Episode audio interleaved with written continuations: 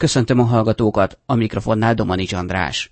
Önök az Inforádió kötelék című magazin műsorának hatodik adását hallják. A felelős szerkesztő Fekete Szalóki Zoltán. Honvédelmi és biztonságpolitikai műsorunkban szó lesz a kongói misszióról és a Nemzeti Közszolgálati Egyetem új tanévéről. Az Európai Unió közös védelem és biztonságpolitikai stratégiája mellett Szíria is fontos téma volt a múlt heti kétnapos uniós védelmi miniszteri csúcson.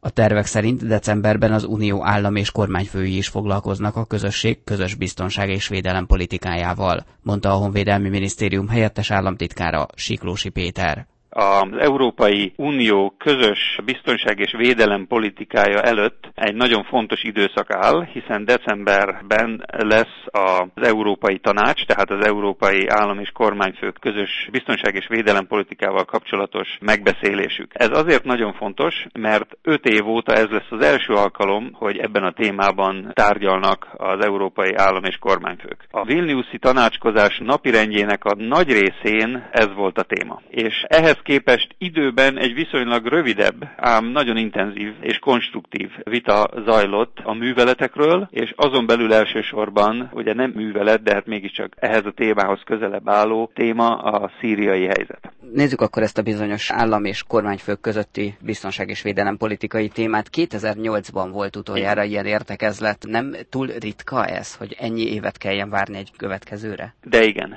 ez meglehetősen ritka. Ezért aztán az egyik olyan javaslat, ami meglehetősen komoly támogatást kapott, az az, hogy sűrűbben legyenek ezen túl. Ezt még majd meglátjuk, hogy pontosan mennyire lesznek sűrűbben, de valószínűleg mondjuk egy két éves időközönként újra megrendezendő EIT-t tartanának az államok megfelelőnek. Az Európai Unió védelem és biztonságpolitikája mennyiben tér el az Egyesült Államokétól? Ugye alapvetően NATO szövetségesek vagyunk, tehát elvileg ugyanazok kellene, hogy legyenek a céljaink. Igen, de ugye hát a nemzetközi biztonságpolitikában ugye mindig jönnek fel újabb és újabb témák, és esetről esetre vizsgálják meg az államok, illetve hát a szövetségek vagy az országcsoportok, így az Európai Unió is, hogy mi az adott kérdésben az álláspontja. És itt azért lehetnek egymástól akár jelentősen eltérő álláspontok, de lehetnek részleteiben eltérő álláspontok is. Ugye itt a szíriai helyzetben is ez adódott elő. Az Európai Unió, amikor ez az egész elindult, és az Egyesült Államok kinyilvánította, hogy milyen úton kíván haladni, akkor itt azért mindenféle vélemény elhangzott. Én úgy láttam egyébként Vilniusban is, hogy az Európai Unió halad a megegyezés irányába, és végül közös hangon fog fellépni ebben a kérdésben. Mi ez a bizonyos közös hang, mi lehet az európai megoldás? Ez nem egy külön európai megoldás szerintem, hanem itt egy minél szélesebb nemzetközi megoldásra van szükség. Itt nagyjából az körvonalazódott, hogy ketté kell választani ezt a problémakört. Egyfelől van a szíriai polgárháború, aminek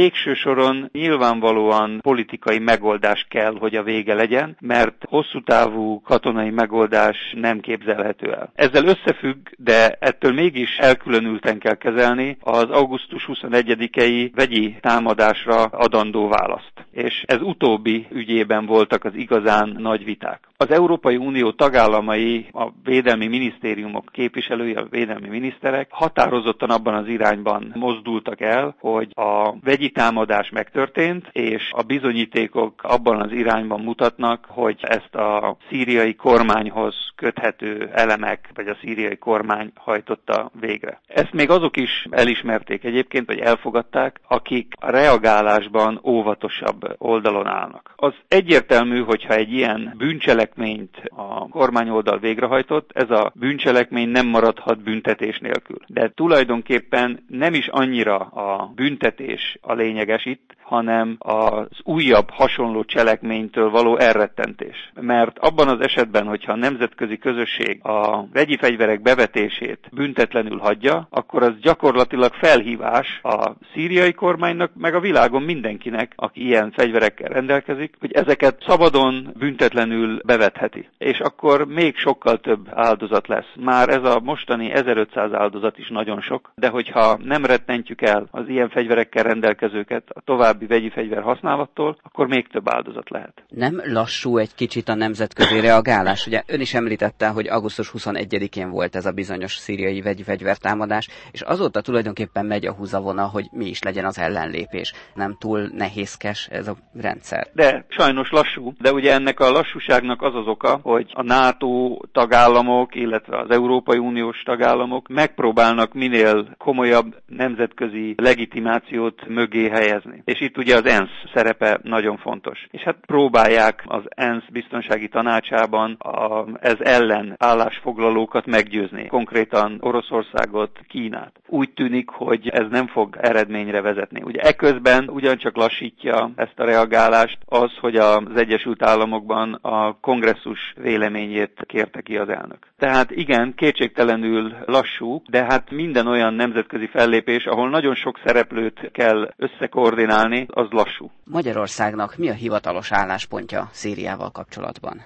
A magyar hivatalos álláspontot a külügyminiszter úr tökéletesen egyértelművé tette. Ugye Magyarország a lehető leghatározottabban elítéli a vegyi fegyvertámadást, egyértelműen a szíriai kormányhoz köti a vegyi fegyver bevetését, és egyértelműen támogatja azt, hogy a bűnösök elnyerjék a méltó büntetésüket. Az interjú elején beszéltünk már arról, hogy decemberben lesz állam és kormányfői közös biztonság és védelem politikai értekezlet. Ennek mi lesz majd majd a kiemelt témája, mi mindenről beszélnek majd itt az állam és kormányfők. Az állam és kormányfők a közös biztonság és védelempolitika rendkívül szerteágazó témáját három csomagban csoportosítva fogják megbeszélni. Az első csomag az a közös biztonság és védelempolitika hatékonyságának, láthatóságának és hatásának növeléséről szól. Tehát gyakorlatilag arról, hogy az az eszközrendszerünk, ami most megvan, ezt hogyan tudjuk hatékonyabban felhasználni, illetve hogyan tudunk a világban nagyobb hatást kifejteni. A második csomag az arról szól, hogy a védelmi képességeinket hogyan tudjuk fejleszteni, hogyan tudjuk ezt a védelmi képességfejlesztést előmozdítani. A harmadik csomag pedig az európai védelmi ipar megerősítéséről szól. Ugye azt tudni kell, hogy erős védelem az nem létezik erős védelmi ipar nélkül. Aki másra van utalva a haditechnikai eszközei kutatása, fejlesztése, illetve gyártása tekintetében, annak a mozgás szabadsága az nyilvánvalóan korlátozott. Ezért nagyon fontos az Európai Unióban a hadipari bázis megtartása és annak a fejlesztése. Különösen annak tekintetében, hogy a legmodernebb technológiák, kutatásfejlesztés területén hogyan tudja Európa lépést tartani elsősorban az Egyesült Államokkal, de most már egyre inkább más konkurensek is megjelennek ezen a területen. Siklósi Pétert, a Honvédelmi Minisztérium helyettes államtitkárát hallották. Most hírek következnek, de utána folytatódik a kötelék, az Inforádió honvédelmi és biztonságpolitikai magazin műsora. Maradjanak velünk!